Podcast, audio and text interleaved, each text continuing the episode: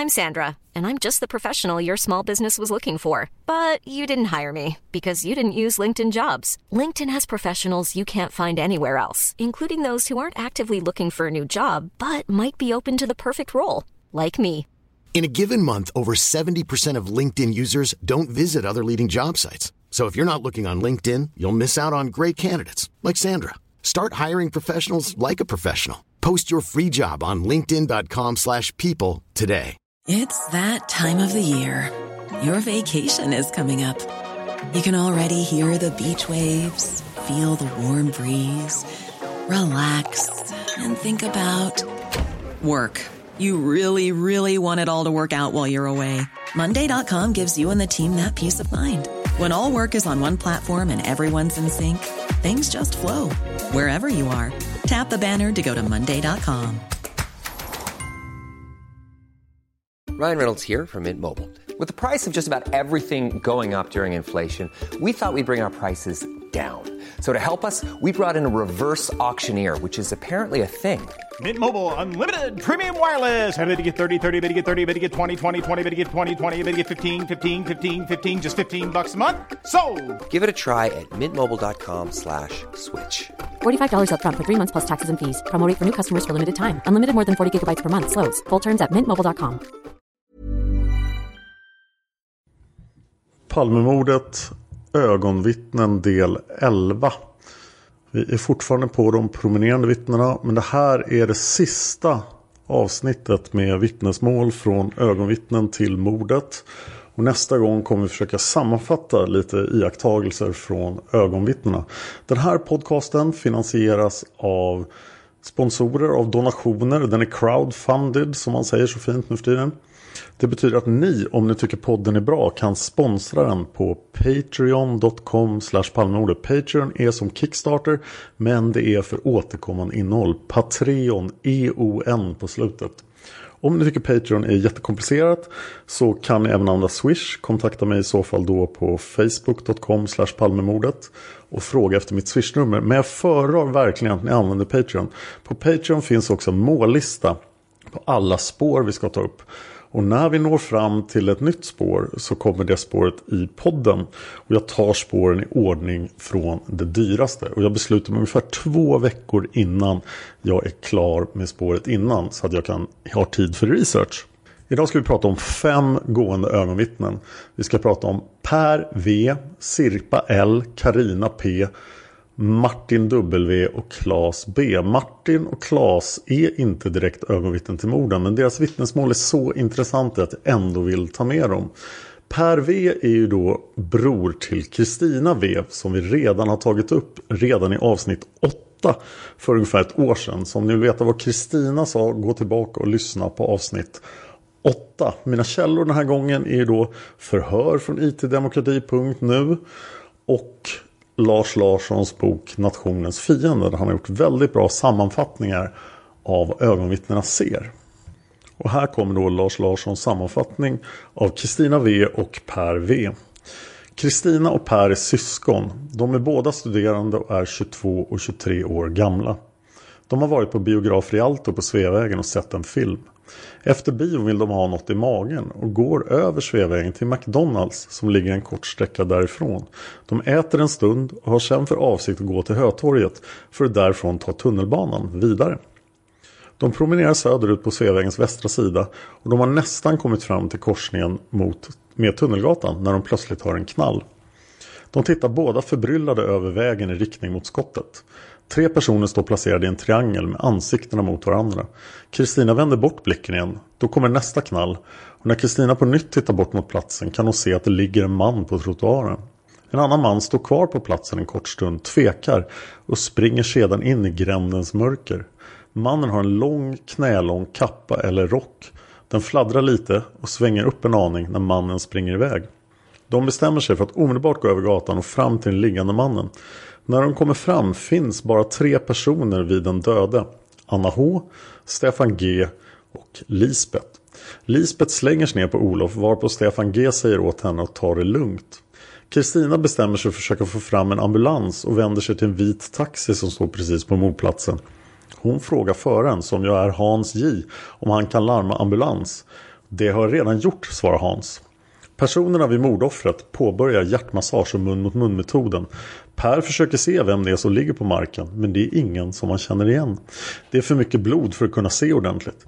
En kvinna står borta vid Dekorimas avfasade skyltfönster och mår illa varför Kristina går bort och hjälper henne. Efter ungefär 3-5 minuter kommer polisen till platsen. I samband med detta säger Lisbeth Jag är hans fru, jag är hans fru, det är Olof Palme. Och först då börjar syskonen förstå händelsernas magnitud.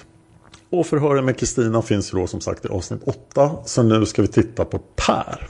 Jag har ett förhör hållet med Per här den 27 mars klockan 11.46 i hans bostad. Förhörsledare är kriminalinspektören Håkan Ström och Gunnar Olsson. Och Per ska då höras om sina iakttagelser på Sveavägen fredagen den 28 februari 1986. Den aktuella kvällen hade Per tillsammans med sin syster Kristina varit på biografen Rialto på Sveavägen. Efter föreställningens slut har de gått över Sveavägen och varit på McDonalds och ätit. Efter besöket på McDonalds fortsatte de att gå Sveavägen söderut på den västra trottoaren. De hade för avsikt att gå till Hötorget för att därifrån ta tunnelbanan. Förhörsledaren. Ja Per, vill du med egna ord berätta vad ni såg, var någonstans ni stod och gjorde era iakttagelser? Per. Vi var väl cirka 15 meter in då på Sveavägen från Tunnelgatan på den västra sidan. Bakom paret Palme måste det bli i sådana fall. På väg mot Hötorget då vi hörde två smällar. Och då sökte sig blicken åt det hållet automatiskt. Och då såg jag en man antar jag. Det är kanske svårt att bedöma. Men i alla fall så såg jag action och jag såg en man då som sprang upp för Tunnelgatan i mörkret. Och det var någon lång kappa eller rock eller jacka eller någonting som svängde upp när han rusade in. Och sen såg jag någon ligga på trottoarkanten. Så sprang vi över Sveavägen och vi var bland de första som var där. Och jag, fru Palme låg över honom, vad ska man säga, krama om honom eller något sånt där. Sen kom en kille och gjorde konstgjord andning och jag försökte se vem det var. Sen kom polisen ganska snabbt och hon, Lisbeth då, sprang och sa Jag är hans fru, jag är hans fru, det är Olof Palme. Och det var väl först då jag förstod att det var Olof Palme. Det var ju så mycket blod runt hela ansiktet så jag hade inte sett det. Förhörsledaren. Ni kom alltså, ni gick Sveavägen söderut på den västra trottoaren, stämmer det? Per, ja, om ni beräknar det som den västra, det kan inte jag bedöma. Förhörsledaren, jo det blir så. Och sen när ni då var cirka 15 meter då norr om korsningen mot Tunnelgatan. Då hörde du en smäll. Hur långt mellanrum var det mellan de två smällarna? Per, det är jättesvårt att bedöma. Men de var i alla fall klart urskiljbara. Kanske en sekund, jag vet inte. Förhörsledaren, kan du beskriva hur smällarna lät på något sätt? Per, nej det tror jag inte. Men jag har i och för sig aldrig hört pistolskott så att eh, man tyckte det lät som det. Förhörsledaren, hur reagerade du när du hörde de här smällarna? Kunde du direkt lokalisera varifrån ljudet kom?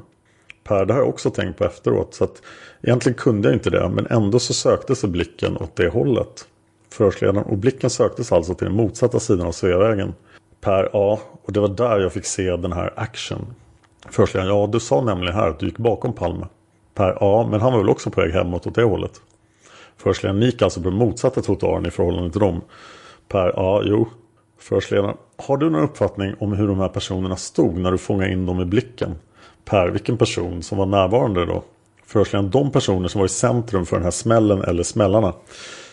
Eh, per, de som hade samlats kring där efteråt då? Förhörsledaren, nej, direkt när du hör smällarna så söker sig blicken över Sveavägen. Och där finns det då ett antal personer. Per, men det som jag ser allra först då, det är han som springer upp där. Och sen ser jag någon som ligger på trottoaren. Och sen har man ju koncentration att springa över gatan. Och sen är jag framme, då kanske det finns tre andra personer där som har kommit för att Förhörsledaren, ja men direkt när du hör de här smällarna så fångar du tydligen in den här gruppen eftersom du säger att det är action där. Hur många personer ser du ursprungligen där? Per, ja det enda jag ser då är en man. Men jag antar att det är en man i alla fall som springer upp alltså. Jag ser den här jackan fladdra upp och sådär och det är mörkt. Förhörsledaren, och kvar på den plats man har sprungit från. Hur många personer är det där? Per, ja den enda jag ser då är Palme som ligger på trottoaren. Förhörsledaren, hur många fler personer är det bredvid honom just då? Per, ja sen när jag kommer fram då, man kollar ju på gatan när man springer över. Så man koncentrerar sig på det också delvis då. Men det enda jag riktigt kan komma på komma ihåg innan det börjar komma fler och fler så här. Det är Lisbeth och en tjej som jag upplevde som flinande.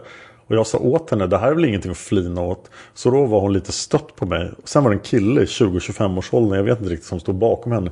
Han var ljushårig, det var det jag liksom först koncentrerade mig på att lägga märke till. Förhörsledaren. När du hörde de här två smällarna, har du någon uppfattning om hur de här personerna stod i förhållande till varandra? Verkar det som de hade stått i en grupp och pratat eller verkar det som att de var på väg mot Kungsgatan promenerandes eller kan du beskriva deras inbördes situation precis när du upptäckte dem för första gången? Per, nej jag vet inte ens om de kände varandra eller om de var flera.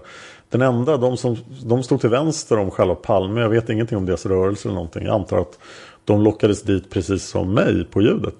Förhörsledaren, men om vi försöker flytta oss till den här tidpunkten. Då du först upptäcker de här och hör de här smällarna. Då är det alltså en man som springer Tunnelgatan österut. Blir det då. Per, ja. Men då hinner man ju bara se ytterst lite. Därför att det är lite snett. Och sen skymmer det här. Plus att det är mörkt. Och uppe Tunnelgatan är det ju någon sorts, vad heter det nu då? Barack. Förhörsledaren. Men du ser alltså att mannen springer in. Det springer in en person där. Är det några andra personer i det här läget när den här mannen springer därifrån som finns i den här korsningen på Tunnelgatan Sveavägen? Per, det gör det säkert men eh, inte som jag liksom reflekterar eller tänker på eller lägger märke till.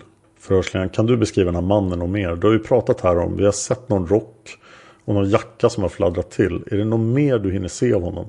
Per, nej det är så mörkt och så ser jag lite dåligt och sen såg jag bara att det var mörkt liksom. Om jag fick bedöma så hade han mörkt hår men det är väl banalt kanske. Förhörsledaren, kunde du avgöra om han var barhuvad? Per, nej. Det är just det jag kanske inte kan. Förhörsledaren, har du någon uppfattning om den här rocken eller jackan som fladdrar till? Hur långt ner på hans ben som den går? Per, ja det är lite grann en gissning det också, men eh, ungefär i knähöjd. Förhörsledaren, hans sätt att röra sig, är det något anmärkningsvärt med det? Per, ingenting som jag kan, äh, ingen kommentar. Förhörsledaren, det var alltså en hastig blick av den här mannen. Per, ja, ja, precis. Förhörsledaren, lägger ni märke till någon annan person när ni går över Sveavägen som uppträder lite underligt? Per, nej, jag vet att syrran gjorde det men jag tänkte inte på det.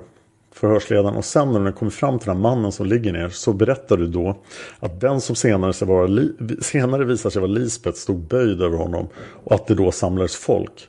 Var det någon som kommenterade någonting om det här som hade sprungit iväg som du hörde? Per, nej det tror jag inte. Förhörsledaren, hade du lagt märke till de här personerna i tidigare läge eftersom de bara gått lite snett framför er på den motsatta körbanan? Per, där hängde jag inte med. Det var ju ingen som gick på den sidan. Förhörsledaren, nej, men på den motsatta trottoaren så gick ju de här personerna. Per, ja men vi gick och pratade med varandra så vi lade inte märke till den sidan. Förhörsledaren, det gjorde ni inte. Per, nej. Förhörsledaren, ni lade aldrig märke till dem innan ni hörde de här smällarna och riktade er uppmärksamhet ditåt. Per, nej, inte jag i alla fall förhörsledaren. Vad hände sen då? När ni har kommit fram till den här mannen som ligger ner. Per, ja, jag vet inte. Vad jag kommer ihåg först det var ju där då att Lisbeth ligger nerböjd över honom och sen vet jag inte riktigt när det skedde och så vidare. Man var lite okoncentrerad, jag vet inte. Men sen det jag kommer ihåg det är den här killen som gjorde konstgjord andning och som Lisbeth i och för sig försöker slänga sig ner. Men han knuffar undan henne och säger ta det lugnt liksom. Sen håller han på och sen, jag såg när han petade upp lite blod som kom pulserande mun och sådär. Och tjejen som gjorde, ja hon tryckte på bröstet. Det är saker som jag kommer ihåg. Förhörsledaren samlades det mycket folk omkring den här platsen. Per, inte så speciellt och jag är lite förvånad därför att slagsmål och grejer brukar ju samla folk. Jag tycker det samlades inte så mycket folk. Det kom ju några, det gjorde det och några som undrade och sådär. Förhörsledaren, hur lång tid dröjde det innan ambulans och polis kom dit? Per. Jag tyckte att det gick väldigt fort. Men det är också väldigt svårt att bedöma tiden där. Men det rörde sig om någon minut skulle jag tro. Och sen där, det vet ju inte jag. Men jag tyckte det verkar konstigt att de inte frågade oss någonting. Jag tänkte gå fram och säga telefonnummer och det. Men jag kände det nästan som att ett ointresse utav det hela. Så jag brydde mig inte om det. Förhörsledaren, har Gunnar Olsson någon fråga? Nej, då avslutar vi förhöret klockan 12. Sen gör Per ett tillägg till förhöret. Per uppger att han aldrig såg något vapen och ej heller någon rökpuff eller mynningsflamma. Och det avslutar Pers iakttagelser. Nästa gående ögonvittne är Sirpa L. Sirpa L förhörs av Kai Hane den 12 mars 1986. Och Kai Hane kan ni kommunicera med i Palmerummet där han är aktiv fortfarande. Eh, Sirpa uppger att hon har varit i Stockholm på tillfälligt besök tillsammans med Karina P. Hon hade besökt tre backar och gick Sveavägen mot Sergels torg. De gick på motsatt sida av gatan när Palme mördades. Och när de passerade korsningen Tunnelgatan hörde Sirpa två smällar, möjligen någon sekund mellan smällarna.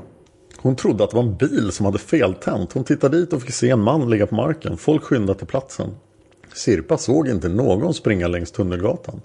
Vad hon vet är att ingen sprang från platsen längs Sveavägen eller korsade gatan mot henne. Samtliga personer i området skyndade mot den liggande. Inga bilar begav sig hastigt från platsen eller liknande. Hon säger att något sånt hade hon med säkerhet sett och lagt på minnet. Då hon och väninnan inte förstod att någon hade blivit skjuten tittade de bara en kort stund och gick sedan därifrån. Inte heller senare observerade hon något avvikande. De gick på en klubb och namnet på klubben kommer hon inte ihåg. Och närmare uppgifter har Karina. Men Sirpa förhörs igen den 15 mars av Ödmark. Protokoll fört vid telefonförhör med Sirpa den 15 mars med början klockan 14 av kriminalinspektör B. Ödmark. Förhör upplysningsvis med anledning av att Sirpa varit på plats när Palme mördades. 1986 02.28 23.30 tiden. Sirpa hade varit på restaurang Tre Backar tillsammans med sin kamrat Karina. De gick på Sveavägens västra sida söderut. Sirpa la ej märke till någon eller några personer som de passerade under promenaden på Sveavägen. Då de kommit nästan fram till korsningen Sveavägen-Tunnelgatan hörde Sirpa två smällar som lät som avgassmällar från en bil. Hon tittade över på den andra sidan och såg benen på en man som hade svimmat. Ett tiotal människor hade samlats kring mannen. Hon gjorde inga iakttagelser av människor eller bilar som hastade från platsen. Ingen gick framför dem på Sveavägen. Hon tittade ej bakåt varför hon inte kan säga om någon hade varit bakom dem. Hon gjorde inga iakttagelser i korsningen Sveavägen-Tunnelgatan vare sig beträffande bilar eller personer. Flickorna skyndade vidare Sveavägen rakt fram och gick därefter på en klubb som hon inte kan namnge eller ange adressen till. Det var ju inte så himla spännande så vi går vidare till Karina. Karina förhörs den 12 mars klockan 16 också av Kai Hane. Och protokollet lyder Karina hade i sällskap med Sirpa varit på tre backar på Tegnérgatan. De gick därifrån, de följde sedan Sveavägen. Vid ABF-bokhandeln gick de över gatan, eller snarare vid Adolf Fredriks kyrkogata gick de över till samma sida som kyrkan. De hade sett ett par i 50-årsåldern titta in i en bokhandel vid Tegnérgatan. Efter Adolf Fredriks kyrkogata mötte de ett yngre par. Framme vid korsningen till Tunnelgatan, samma sidan som posten, hör de ett par skott. Karina trodde först att det var en bil eller barn som lekte med smällare. Omedelbart efter andra skottet tittade hon dit och såg en kvinna sitta med något i famnen och skrika. Hon förstod då att något hade hänt och att någon eventuellt hade blivit skjuten. Sirpa och Karina hade gått sakta, de stannade inte utan fortsatte i samma takt mot Sergel. Eh, Karina minns en vit taxi. Hon är tämligen säker på att ingen lämnade platsen för skottdramat. I varje fall ej springande, det borde hon ha reagerat för. På samma sida som flickorna gick så var det folktomt. Eventuellt kunde det yngre paret ha varit i närheten av dem. Inga bilar körde från platsen, dock passerade normal trafik förbi. Hon har ej sett någon springa Tunnelgatan i den förmodade flyktvägens riktning. De fortsatte till Hötorget, nerför rulltrappan vid Sergels torg, vidare till Gallerian och Regeringsgatan via rampen vid Gallerian. De har ej sett någon de lagt märke till eh, under denna färdväg till Konsthögskolans klubb. Karina säger att hon är säker på att hon hörde tre smällar men hon har inte sett någon med vapen. Karina förhörs igen också den 15 mars av Ola Eriksson. Eh, Karina och hennes väninna Sirpa hade varit på Tre backar på Tegnérgatan. De kom till restaurangen klockan 21 och gick därifrån strax efter klockan 23. De gick Sveavägens östra sida mot Sergels torg. Vid Adolf Fredriks kyrkogata snedde de över till den västra sidan. De två pratade med varandra. Karina hörde tre kraftiga knallar från andra sidan gatan. Smällarna kom regelbundet och med kort mellanrum. Hon tittade mot ljudet och såg då en kvinna som höll någonting i famnen. Bägge stod upp. Kvinnan skrek hjälp, hjälp. Karina såg ingen springa från platsen. När en vit taxi körde upp till paret hade mannen fallit omkull. Kvinnan hukade över honom. Några människor rusade till den stupade. Avståndet från Karina var gatans bredd. Karina och hennes sällskap fortsatte sin vandring. De trodde att de hade bevittnat en uppgörelse i gangstervärlden. De la inte märke till någon särskild person på vägen till Sergels torg. Karina var vid tillfället iklädd en grön kappa till låren, beige jeans, klargröna stövlar till knäna. Hon är 161 cm och har råttfärgat hår. Det var samtliga ögonvittnen som jag känner till. Vet ni om något mer ögonvittne till Palmemordet och att förhöra med den personen så meddela mig det. För jag har letat Jag kommer att ta upp två vittnesmål till i det här avsnittet. Det är vittnesmål i anslutning till mordet som jag tycker är väldigt intressanta. Det här är ett förhör med Claes B. Claes B förhörs den 13 mars 1987. Det vill säga ett år efter mordet av Stålnacke. Protokollet lyder som följer.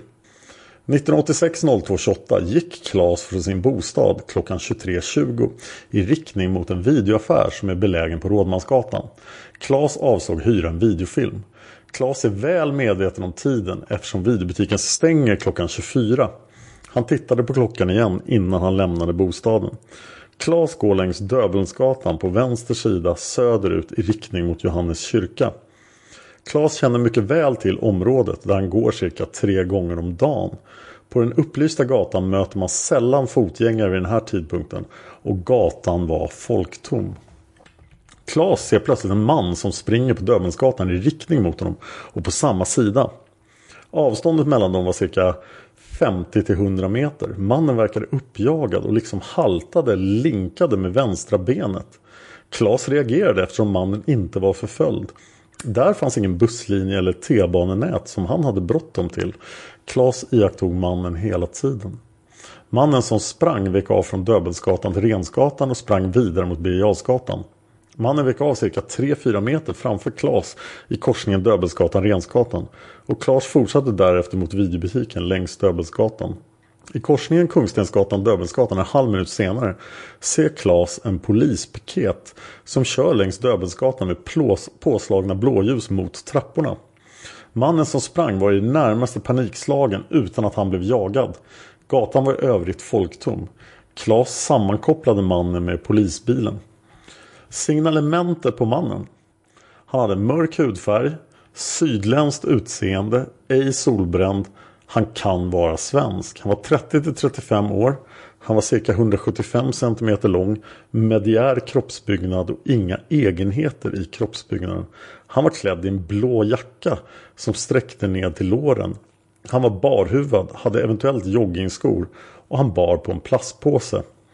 Ansiktsformen var markerade drag vid kinder och ögon. Insjunken vid kinderna och han var orakad. Hans hår var mörkt brunaktigt och det var lite vågigt krulligt liksom självfall. En egenhet när han sprang var att han haltade linkade med vänster ben. Klas kontaktade Norrmalmspolisen i samband med händelsen. Receptionisten ville inte anteckna uppgifterna utan lämnade telefonnumret till polisens huvudväxel Klas ringde från sin bostad. Efter två timmar kom han fram. Polisen fick berättelsen och lovade höra av sig. Klas fick höra av en kamrat att det här tipset inte förekom i utredningen om mordet på Olof Palme. Klas tror inte att han kan peka ut mannen som sprang vid en fotokonfrontation eller vid valkonfrontation. Men det här var ju ganska intressant då, så Klas får komma tillbaka senare under 87. Han kommer den 10 november och förhörsledaren är kriminalinspektör Jerker Söderblom samt åklagare Jörgen Almblad. Förhöret kommer att indikteras på band samt delvis dokumenterat med videofilm. Klas underrättas om en anledning av förhöret är att han ska komplettera det förhöret han har lämnat tidigare. Förhöret kommer inledas med en klockning av tiden från det att Klas tittar på klockan i bostaden till dess att han kom till den plats på Döbensgatan där han gör iakttagelserna av en springande man. Beträffande tidpunkten 23.20 som Claes lämnat i det tidigare förhöret så upprepar han att den tidpunkten som han tittade på klockan var omedelbart före den tidpunkt som har angivits i tidningar och övriga massmedier. I samband med att Claes underrättas om han i förhöret den 13 3 angivit 23.20 att det var tidpunkten att titta på klockan så säger han sig sannolikt minnas att han sa så till förhörsledaren att det var den tidpunkten. Förhöret övergår från att ha varit indik indikterat till att vara konferensförhör. Klas berättar att han går den aktuella vägen tre eller fyra gånger per dag och han känner den väldigt väl. Samt att han under den aktuella promenaden mötte sammanlagt tre personer. Först mötte han ett par och därefter mötte han den springande mannen. Nu finns det alltså fyra personer i rummet. Det är förhörsledaren, det är Klas, det är en fotograf och det är åklagare och Almblad. Förhörsledaren börjar. Du begav dig alltså ut och du hade ingen hund med eller någonting sånt. Din avsikt var att gå vart, Klas? Jag skulle gå ner till Rådmansgatan och hyra en videofilm. Förhörsledaren, var på Rådmansgatan? Kommer du ihåg videobutikens namn? Klas, ja den heter Casablanca. Den ligger förhörsledaren Casablanca och du var ensam när du gick ut. Klas, jag var ensam. Förhörsledaren, ja var mötte du paret? Klas, de mötte jag nästan precis här, mittemellan Odengatan och vad heter den där lilla gatan som går? Det är första tvärgatan som korsar Döbelnsgatan. Förhörsledaren, första gatan som korsar Klas, ja eller vad heter den? Förhörsledaren, det är parallellt med Odengatan, alltså omedelbart första gatan söder om Odengatan. Klas, ja det blir det. Förhörsledaren på den sträckan på Döbelnsgatan från Odengatan och fram till den närmda korsningen med nästa gata. Där möter du alltså ett par. Klas, ja två yngre killar som kommer. De går på motsatta sidan av vägen. Och jag går på den vänstra sidan av vägen. Förhörsledaren av Döbensgatan. Klas av Döbensgatan, ja. Förhörsledaren vänstra sidan, det är alltså den östra sidan. Och du går söderut. Klas, äh, eh, ja just det. Förhörsledaren, och där möter du de här två. Klas, ja. Förhörsledaren, du lade inte märke till någon bil eller någonting annat? Klas, nej ingenting. Förhörsledaren, utan bara de här två personerna. Klas, mm. Och jag passerar, jag fortsätter gå så ser jag då den här personen som kommer springande. Och han kommer på samma sida. Förhörsledaren, ja, alltså på östra sidan. Klas, ja på östra sidan. Jaha, tänker jag. Jag fortsätter ju gå och han närmar sig. Han kommer ju bortåt, bortifrån då, om man säger bortifrån Tegnérgatan eller, eller vad som helst. Förhörsledaren, hur långt var du ifrån korsningen med Rensgatan? När du ser honom, kan du minnas det nu? Kan du beskriva antal hus eller portar eller ett avstånd? Klas, jag upptäcker honom eller jag lägger märke till att han kommer springande. du gör väl kanske 100 meter då. På 100 meter. Och jag tänker på liksom att där kommer en person. Först när du säger 100 meter då menar du att avståndet mellan dig och honom är på cirka 100 meter. Klas, ja just det. Förhörsledaren, hur långt ifrån korsningen bedömer du? När vi nu befinner oss utanför din bostadsadress sittandes i en bil, alltså vi är inte på platsen. Hur långt tror du att du befann dig att de befann dig från korsningen. Och när du gör iakttagelsen, när du ser honom för första gången. Klas, jag kan Förhörsledaren, tror du att du kommer minnas? För jag fråga så här, när vi kommer till platsen, kommer du då minnas exakt var du befann dig då? Klas, ja, då kan jag se det. Förhörsledaren, ja då avvaktar vi vad du säger, vi visar det på platsen alltså. Klas, ja det är mycket lättare.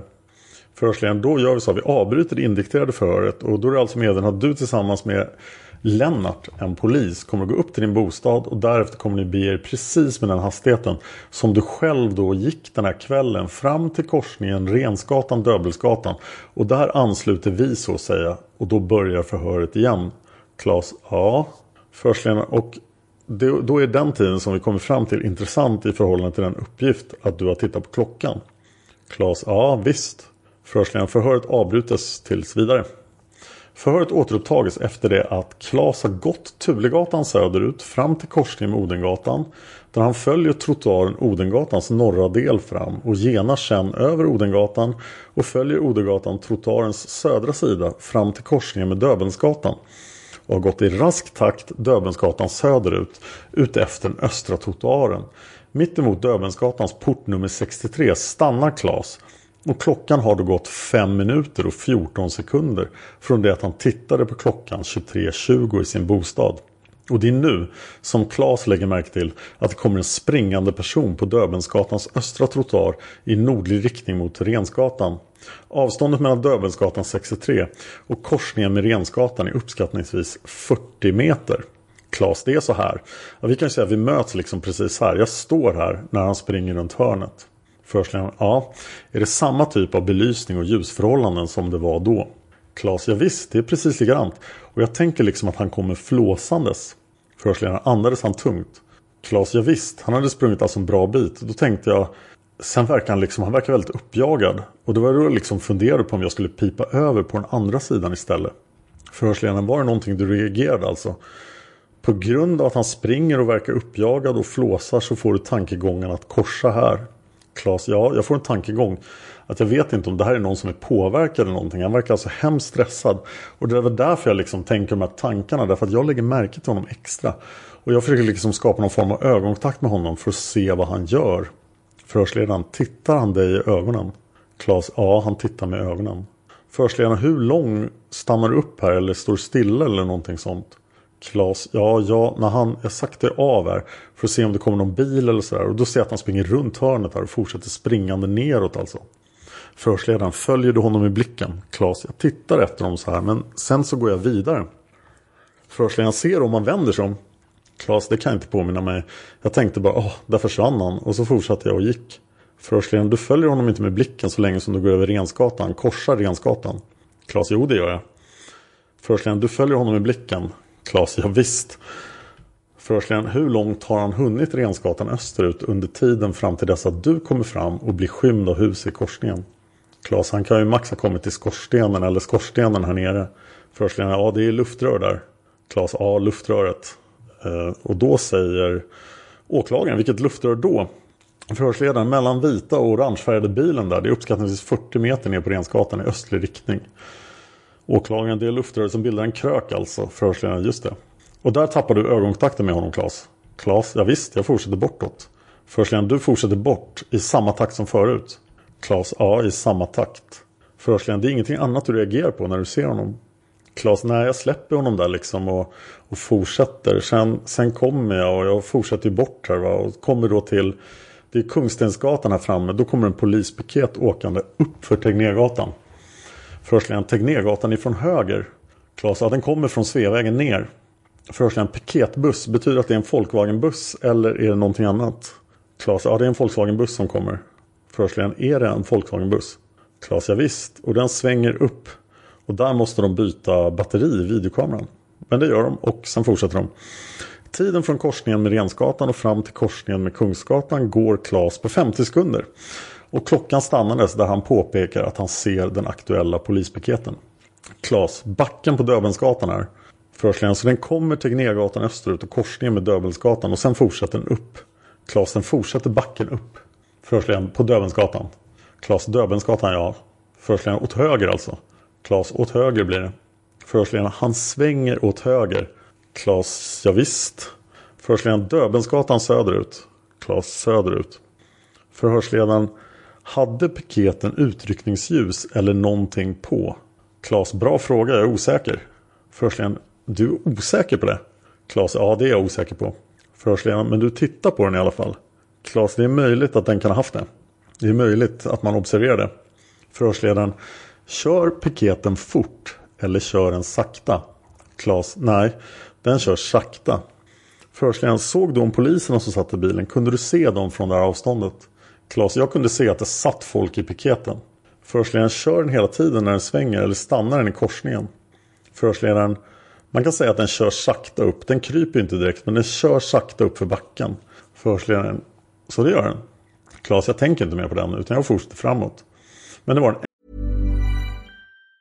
Planning for your next trip? Elevate your travel style with Quince. Quince has all the jet setting essentials you'll want for your next getaway, like European linen, premium luggage options, buttery soft Italian leather bags, and so much more. And it's all priced at 50 to 80% less than similar brands. Plus, Quince only works with factories that use safe and ethical manufacturing practices. Pack your bags with high-quality essentials you'll be wearing for vacations to come with Quince. Go to quince.com slash trip for free shipping and 365-day returns. I'm Sandra, and I'm just the professional your small business was looking for. But you didn't hire me because you didn't use LinkedIn jobs. LinkedIn has professionals you can't find anywhere else, including those who aren't actively looking for a new job but might be open to the perfect role, like me.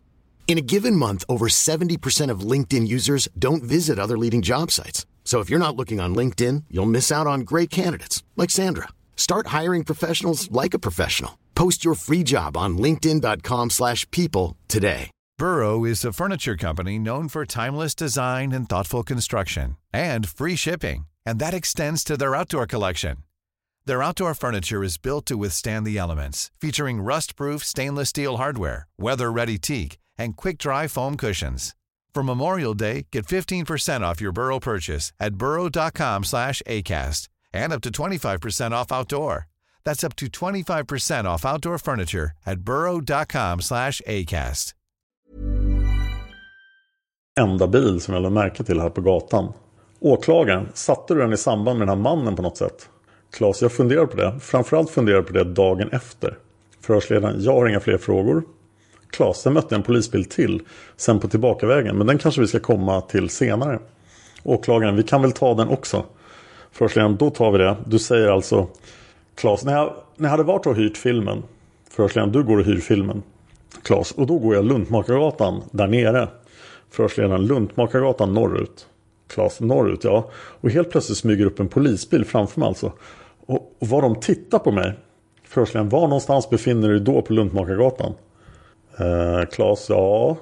Förhörsledaren ungefär. Klas jag skulle kunna någonstans här emellan kanske mellan Kungstensgatan och Rensgatan. Förhörsledaren mellan Kungstensgatan och Rensgatan. Klas ja det kan det vara. Förhörsledaren vad är det för typ av polisbil? Klas det var en vanlig. En personbil. Och den kryper va och de tittar på mig. Det var inte så att jag märkte bilen knappt va. Utan den bara tittar till och så som de tittar på mig och sen fortsätter de framåt. Sen kommer jag inte ihåg om de svängde upp eller inte. Förhörsledaren, du lade inte märke till någonting annat under den här vägen. Klas, ingenting annat. Förhörsledaren, det här är detaljerna som du minns alltså. Klas, A. Förhörsledaren, inga bilar, inga springande människor, vare sig mötandes på något sätt, ingen som ropar. Klas, nej. Förhörsledaren, du hör ingenting som smäller, hör du några utryckningssignaler från utryckningsfordon? Klas, nej, jag tycker inte jag kan påminna mig det. Förhörsledaren, det finns ingenting. Klas, jag tror inte jag sa det dagen efter heller. Förhörsledaren, du ser inga människor som kommer ut i portar eller går in i portar eller folk som tittar ut ur fönster eller någonting sånt. Klas, nej, enbart eh, förhörsledaren, inga springande personer mer än den här. Klas, nej, enbart den här personen. Förhörsledaren, du har ingen minne av att du efter det här har mött några andra personer heller. Klas, nej det har jag inte gjort. Förhörsledaren, det har du inte gjort. Klas, nej jag har inte mött några andra personer. Förhörsledaren, du har inte mött någon. Klockan är 19.30 och förhöret avbryts och då underrättar jag om du kommer få de ta del av det förhöret. Och det ska skrivas ut. Men förhöret fortsätter. Förhörsledaren, när du kommer hem är din hustru hemma i bostaden. Klas, ja. Förhörsledaren, hon ligger och sover när du kommer hem. Klas, ja hon vaknar, hon vaknar till då. Hon ska börja jobba klockan sex på morgonen på posten i hörnet Sveavägen Tunnelgatan. Och jag sa det, jag har varit och hyrt en film och så hade jag mött en läskig person som kom springande emot mig liksom. Förhörsledaren, det berättar du?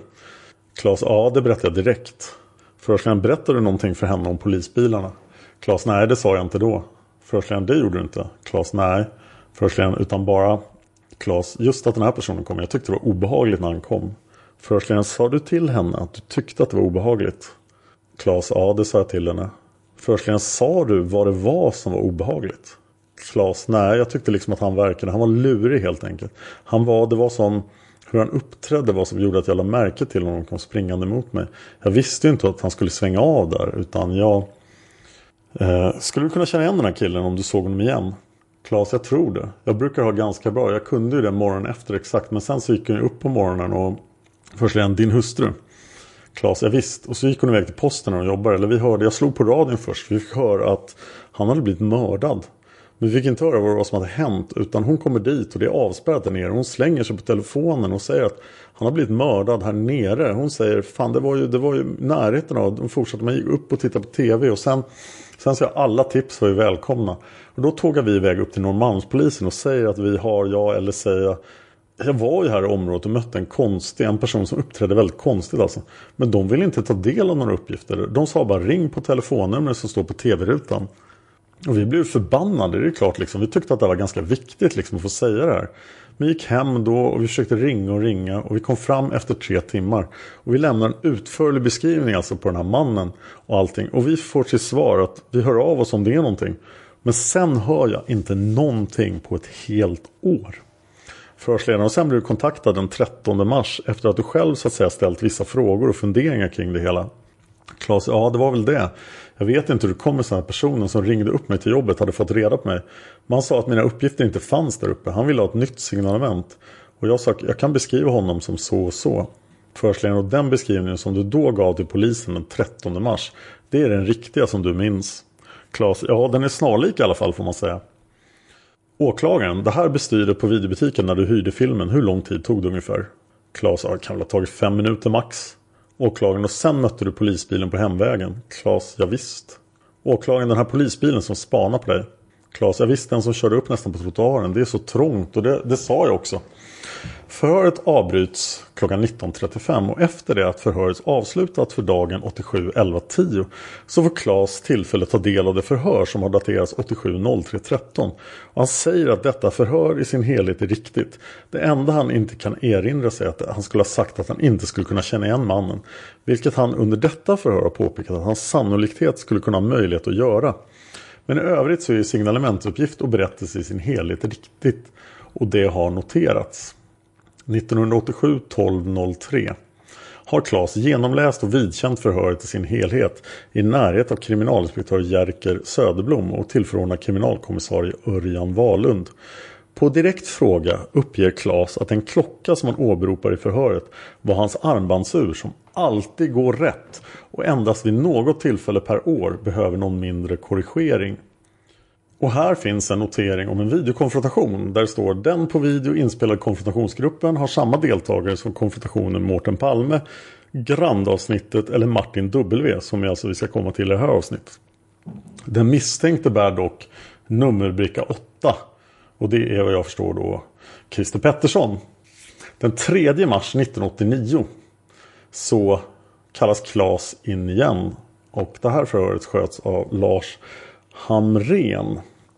Klas saknar för närvarande anställning för han befinner sig på en jorden runt-resa. Och förhöret hålls på Park Royal Hotel i Oakland, Nya Zeeland den 27 februari 1989 med början klockan 12.50. Förhörsledare eh, förhörsledare kriminalinspektör Lars Hamren och närvarande i förhöret är advokat Arne Liljeros, eh, Christer Petterssons försvarsadvokat, som alltså då båda åkt till Nya Zeeland för det här förhöret. Klas underrättas om han skulle höras kompletterande till tidigare förhållande med honom. Vidare underrättas Klas att han i samband med förhöret skulle få se en videofilm på en konfrontationsgrupp bestående av 12 män. Konfrontationsgruppen är filmad i Stockholm den 14 december 1988. Avsikten med videokonfrontationen är att se om Klas kan känna igen någon av männen såsom varande den man som Klas mötte vid 23.25-23.26 tiden i korsningen Döbensgatan-Rensgatan. Klas uppger att han har befunnit sig utomlands sedan den 24 juni 1988. På fråga uppger Klas att han läst i tidningen att det sitter en man anhållen för mordet på Olof Palme. Klas uppger att han förmodligen läst detta i Dagens Nyheter i samband med att han var på besök i Svenska kyrkan i Melbourne i Australien. Klas uppger även att han läst om detta i Svenska Dagbladet på samma plats. På fråga om Klas sett någon bild på den anhållne på någon tidning så uppger Klas att han inte har gjort det vare sig i svenska tidningar eller i några utländska tidningar. Och förhöret övergår då till dialogform. Förhörsledaren Ja Klas, kan du berätta med egna ord vad du gjorde då och vad du iakttog den 28 februari 1986? Klas, ja, nu har jag inte klockslagen. Jag kommer inte ihåg klockslagen här exakt. Men det kommer jag ihåg då. Förhörsledaren, ja. Eh, Klas, det var därför jag lade märke till den. För jag skulle ut och hyra en videofilm. Förhörsledaren, kan du prata lite högre?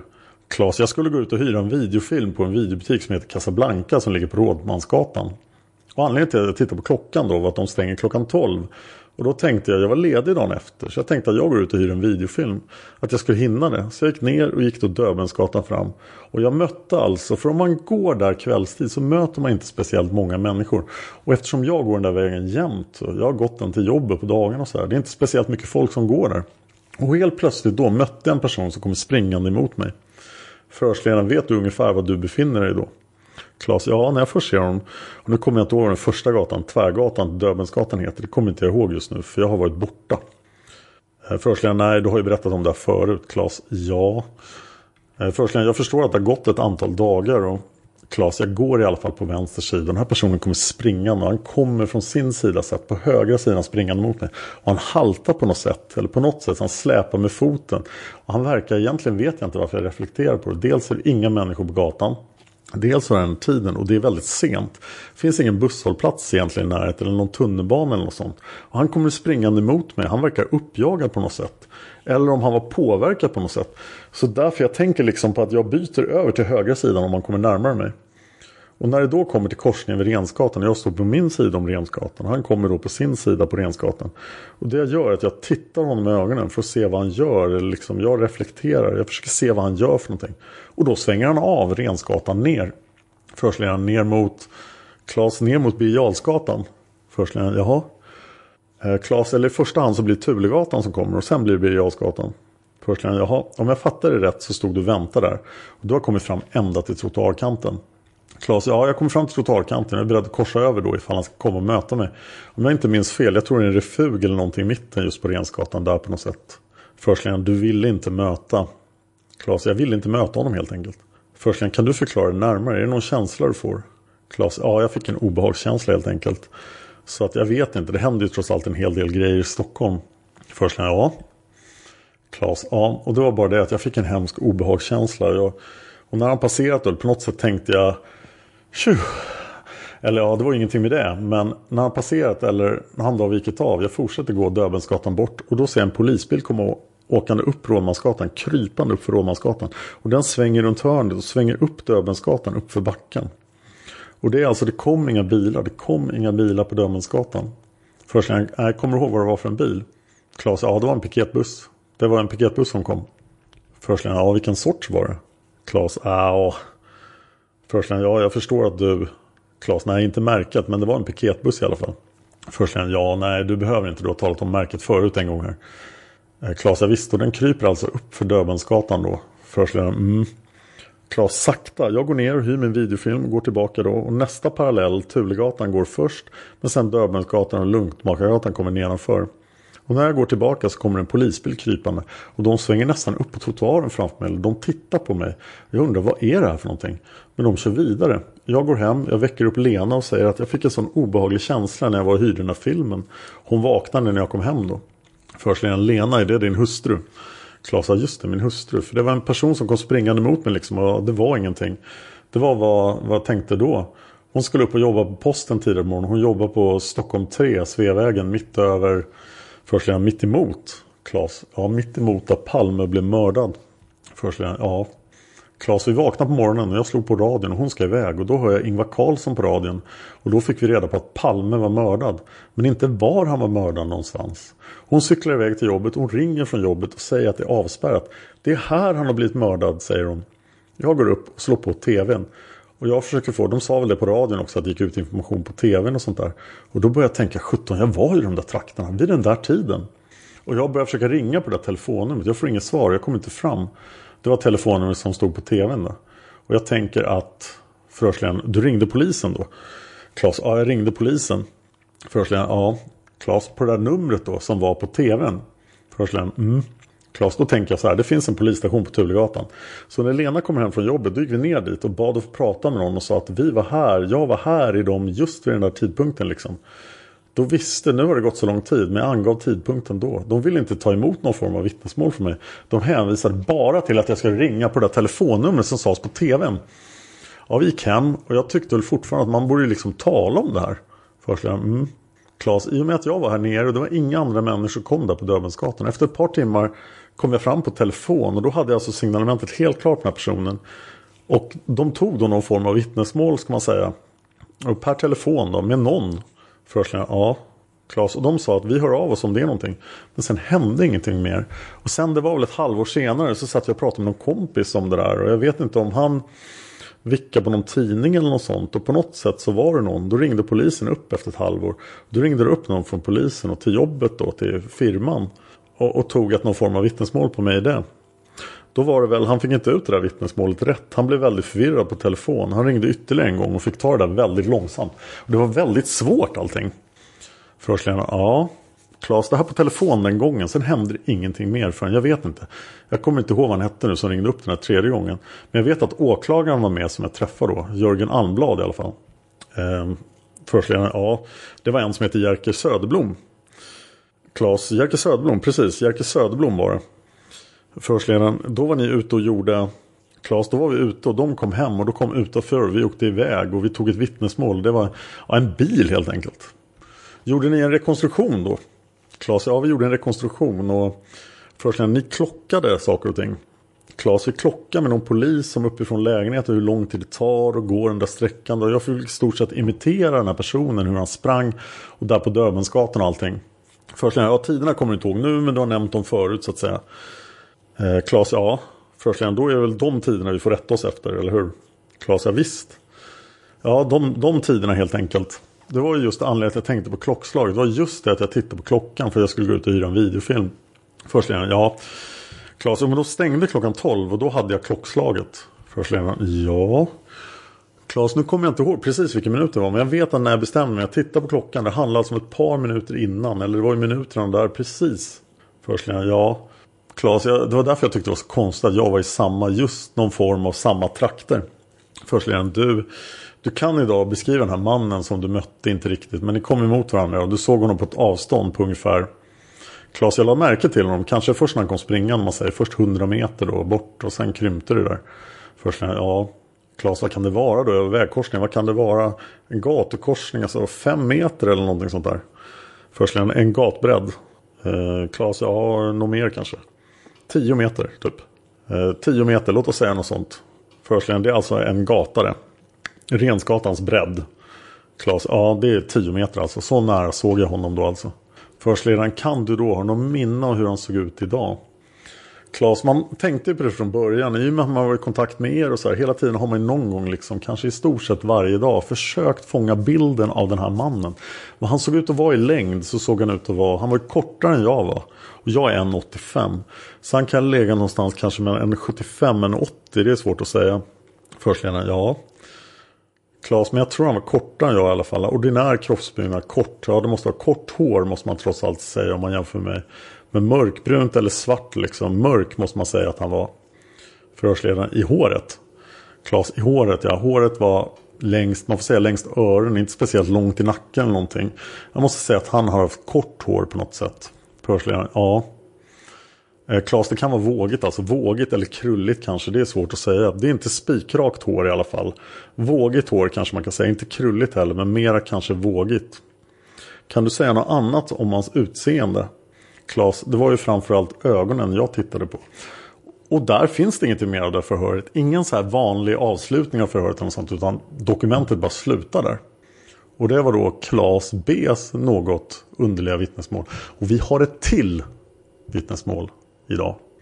Det här vittnesmålet är från ett vittne som heter Martin W. Martin arbetar som taxichaufför och han har en misstänkt passagerare i taxin.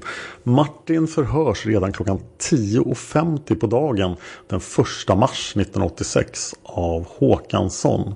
Protokollet lyder Stått vid trafiksignal, rött ljus på Sveavägen Rånmansgatan. Man har kommit springande i riktning från Saltmätargatan. Martin har öppnat bakdörren. Mannen har sagt att han var ensam varför han ville sitta fram klockan 23.50. Mannen sa på svenska Sollentuna Häggvik E4. Martin fick intryck att mannen var svensk och talade svenska utan brytning. Dock tror inte Martin att mannen var från Stockholm. Han hade ingen särpräglad dialekt och det går ej att härleda ursprung. Mannen gick av Häggviksvägen vid rondellen. Han sa inte vart han skulle och Martin såg inte åt vilket håll han gick. Mannen hade förefallit lite jäktad när han kom till taxin men han var sedan mycket lugn under färden. Mannen var 35 till 48 år gammal, 175 till 180 cm lång, iklädd en knälång rock av trenchcoat typ, ej en täckjacka. Martin minns inte om han hade skägg och han minns inte om mannen bar glasögon. Mannen hade varit grov i ansiktet och barhuvad. Det här var intressant och Martin blir förhörd igen. Men inte förrän den 3 december klockan 9.30 1986. Nu förhörs han av kriminalinspektör Lars Jonsson då, som vi har sett hålla i en väldig massa förhör. Protokollet lyder Fredagen den 28 februari 1986 på kvällen och natten körde Martin taxi 368. En mörkröd Volvo 244. Omkring klockan 23.50 enligt taxins datalista klockan 23.48 har Martin stannat för rött ljus i korsningen Rådmansgatan-Sveavägen. Han står på Rådmansgatan i riktning västerut och har för avsikt att sedan köra Sveavägen söderut. Innan trafiksignalen slår om till grönt uppmärksammar han dels hur två festklädda flickor kommer springande på Sveavägen i riktning mot taxin. Men hur dessa flickor blir omsprungna av en man som hade mycket bråttom. Denne man kom springande tvärs över Sveavägen. Martin fick uppfattningen att mannen kom uppifrån Saltmätargatan. Han såg dock inte närmare varifrån mannen kom, annat än att han sprang tvärs över Sveavägen. Då mannen kom fram till taxin öppnar Martin höger bakdörr. Mannen säger då hastigt Nej, jag är ensam. Vart efter han sätter sig till höger i taxibilens framsäte. Mannen är andfådd och ger intryck av att vara något stressad. Och han säger bara följande ord på hela resan. Sollentuna, Häggvik, E4 norrut. Martin uttrycker saken så att han får genast känsla att det är något som inte stämmer i personkemin. Mannen sitter helt tyst och något som Martin inte kan närmare förklara vad det är stämmer inte. Martin kör Sveavägen norrut. Vid korsningen mot Surbrunnsgatan får han stanna i vänsterfilen för rött trafikljus. I jämnhöjd med taxin i högerfilen stannar en polisbuss vilken körs av en manlig polis och det finns även en kvinnlig polis i bussen. Martin är vid denna tidpunkt helt ovetande om att Olof Palme har blivit mördad. Han ser hur polismännen på något sätt verkar upprivna och spanar i den kringliggande omgivningen. Av någon anledning vänder passageraren bort ansiktet från polisbussen. Mannen vrider sig snett till vänster på sånt sätt att ryggen vänds mot taxibilens högra sidoruta och mot polisbussen. Mannen säger ingenting och det gör inte Martin heller. Martin tycker att mannens beteende är anmärkningsvärt och framhåller att detta var en orsak till att han ringde polisen och lämnade sina uppgifter redan den 1 mars. Färden fortsätter mot Sveaplan, Norrtull, Uppsalavägen norrut. Hela tiden sitter mannen tyst. Martin iakttar inte mannen, typ att han sitter och studerar honom. När Martin har kommit en bra bit norrut på E4 och börjar nalkas önskat resmål frågar han mannen vilken avfart han ska ta. Mannen visar då medelstecken Martin fram till Häggviksvägen, rondellen. Martin stannar till på Häggviksvägen och släpper av mannen som utanför bilen tar upp sin plånbok och en 100 kronors sedel. Han överlämnar sedeln som betalning för körningen men begär inget kvitto. Mannen går sedan iväg utan att Martin närmare iakttar var mannen går. I samband med att mannen betalar körningen iakttar Martin en personbil parkerad på Häggviksvägen kring vilken flera personer uppehåller sig. Tyvärr la han inte märke till vare sig personbilens fabrikat, färg eller någonting annat. Ej heller de personer som uppehöll sig vid bilen. På fråga om han fick uppfattningen att mannen som hade kört i hans taxi hade samröre med de personerna som uppehöll sig vid personbilen förklarar Martin att det kan han inte uttala sig om. Det fanns inget som direkt tydde på detta, men han kan inte utesluta att så är fallet. Martin fick av någon anledning en känsla att mannen inte var bosatt i Häggvik. Och denna känsla kan ha sin orsak i att han fick uppfattningen att mannen verkar ha någon dialekt. Det kan vara en förklaring. Han är säker på att mannen var skandinav, troligtvis svensk eller norrman som talar mycket god svenska. Mannen hade mycket svag dialekt som kanske, kanske kunde härröra från södra Sverige. Martin nämner Småland, Växjötrakten. Så vitt Martin kan bedöma så var mannen helt nykter. Martin beskriver mannen. Cirka 35 till 43 år. Snarare över 40 år än under. Cirka 175 till 180 cm lång, kraftigt byggd, begynnande korpulens, troligtvis vältränad i yngre år och grovt något runt ansikte. Någonting i ansiktet var speciellt. Troligtvis hade mannen en kraftig näsrot och förhållandevis små ögon, dålig ansiktshy, normalljus och man fick intryck av att håret var mörkblont, mellanblont med begynnande grånad. Mannen var barhuvad och hade så vitt Martin minns varken glasögon, skägg eller mustasch. Han var klädd i en mörk rock av trenchcoat-typ som antingen var svart eller mörkblå. Trenchcoaten var av typen som var modern för 10-15 år sedan. Tyvärr kan Martin inte närmare beskriva trenchcoaten mer än att den gick till strax ovanför knäna. Han kan inte beskriva byxor, skjortor eller dylikt. I övrigt beträffande klädseln kan han endast minnas att mannen hade lågskor av okänt slag. Mannen hade ingen väska eller något sånt i sina händer. På frågan om Martin la märke till något speciellt i mannens sätt att springa eller röra sig så uppger han att det gjorde han inte. Martin tror han eventuellt skulle känna igen mannen vid en konfrontation Åtminstone skulle den kunna peka ut rätt typ av person. Och Martin kommer mycket riktigt att få se en konfrontation. Och på itdemokrati.nu, om ni tittar på Martins vittnesmål, så finns det en bild. Och där står Christer Pettersson och bär bricka nummer ett. Och här kommer då ett protokoll från den 14 december 88. Det här är alltså konfrontationsförhör. Och det visar ju vilken vikt Eh, Palmeutredningen lägger vid Martins vittnesmål. För han är då i den här första vågen av folk som får se konfrontationsvideon. Eh, 14 eh, december 1988, början klockan 16.30. Konfrontationsledare är Lars Hamrén Biträde vid konfrontationen är kriminalinspektör Håkan Ström. Och övriga närvarande är advokat Arne Liljeros samt chefsåklagare Anders Helin. Martin underrättades att han skulle höra sitt konfrontationsförhör i samband med att han förevisas en grupp bestående av 12 män. Syftet med konfrontationen är att se om Martin känner igen någon av de förvisande männen såsom varandes den man som åkt taxi med Martin den 28 februari 1986 från Sveavägen Rådmansgatan vid 23.50-tiden för vidare färd till Häggviksvägen, Häggviksrondellen. Konfrontationsledaren. Då har vi nu öppnat luckan och nu har du framför dig en grupp bestående av 12 män numrerade från 1 till 12. Så får du titta på de här först och säga vad du tycker och tänker om dessa. Du kan ju ta en helhetsblick först och sen kan du börja mäta och så kan du koncentrera dig var för sig. Martin, ska jag börja med nummer 1? Konfrontationsledaren. Har du någon spontan kommentar du gör direkt nu när du ser hela gruppen? Martin, jag tycker det är många som påminner ska jag säga. Det, är, det ser väldigt svårt ut. Konfrontationsledaren, det är många som påminner. Martin, ja när jag ser en blick över allihopa då ser jag många som påminner rent spontant. Konfrontationsledaren, vilka är det då? Martin, det är nummer tre, nummer två, nummer fem och nummer tolv. Men han ser lite för liten ut, det är många. Konfrontationsledaren, är det några fler än dem tycker du? Martin, frisyren påminner om nummer åtta lite också. Konfrontationsledaren, vi gör så här, vi börjar med nummer ett och så tar vi en och en. Vad har du att säga om nummer ett? Och nummer ett är alltså Christer Pettersson. Martin, jag tycker inte att det är han. Konfrontationsledaren, varför inte om man säger så rakt på sak? Martin, nej, jag kan inte säga varför, men jag tycker inte att det kan vara han. Konfrontationsledaren nummer två. Martin, nej, jag kan inte säga. Och Martin går igenom då reflektioner över alla de här, men det är bara nummer ett som är intressant för oss. Lite senare i förhöret då. Konfrontationsledaren, du kan få titta på dem om de kommer fram lite närmare spegeln här. Så får du se dem en och en.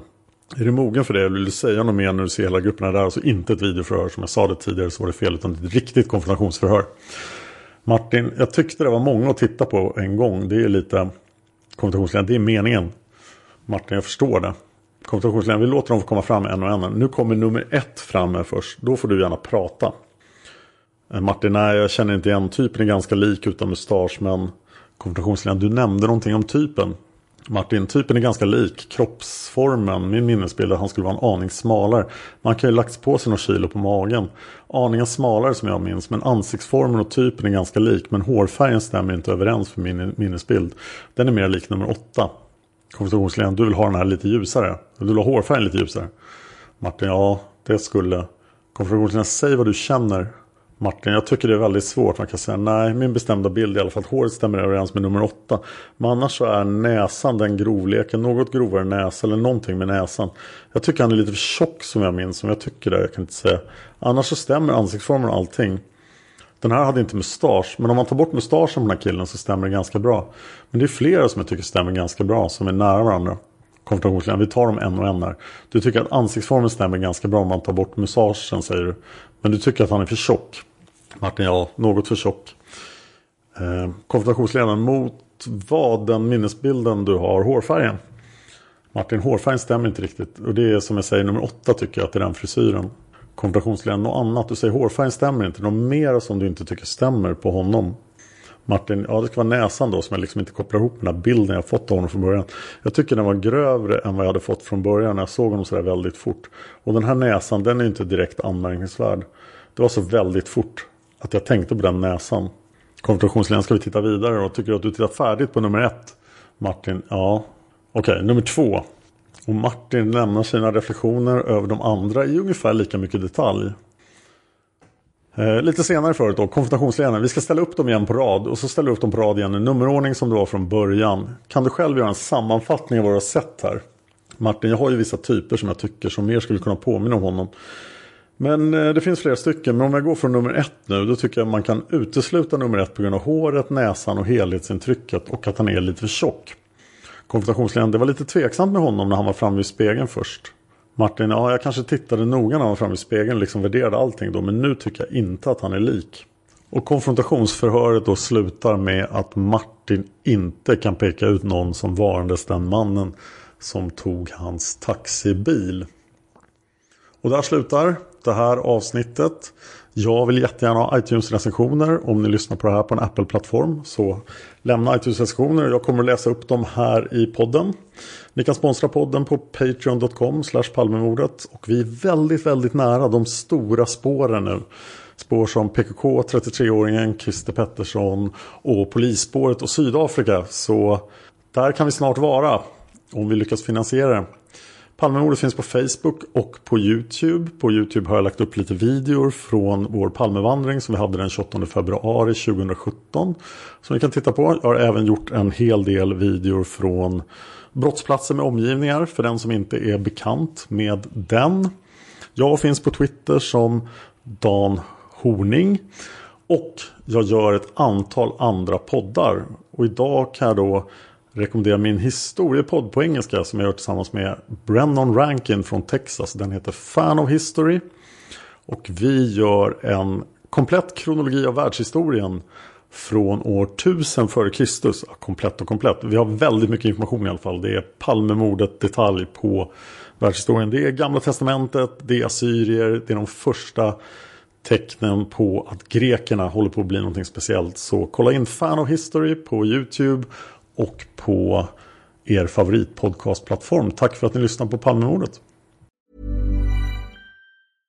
Imagine the softest sheets you've ever felt. Now imagine them getting even softer over time. That's what you'll feel with Bowl and Branch's organic cotton sheets. In a recent customer survey, 96% replied that Bowl and Branch sheets get softer with every wash. Start getting your best night's sleep in these sheets that get softer and softer for years to come. Try their sheets with a 30-night guarantee. Plus, get 15% off your first order at bowlandbranch.com. Code BUTTERY. Exclusions apply. See site for details. Planning for your next trip? Elevate your travel style with Quince. Quince has all the jet setting essentials you'll want for your next getaway, like European linen, premium luggage options, buttery soft Italian leather bags, and so much more. And is all priced at 50 to 80% less than similar brands. Plus, Quince only works with factories that use safe and ethical manufacturing practices. Pack your bags with high-quality essentials you'll be wearing for vacations to come with Quince. Go to quince.com/pack for free shipping and 365-day returns. Planning for your next trip? Elevate your travel style with Quince. Quince has all the jet setting essentials you'll want for your next getaway, like European linen, premium luggage options, buttery soft Italian leather bags, and so much more. And is all priced at 50 to 80% less than similar brands. Plus, Quince only works with factories that use safe and ethical manufacturing practices. Pack your bags with high-quality essentials you'll be wearing for vacations to come with Quince. Go to quince.com/pack for free shipping and 365-day returns.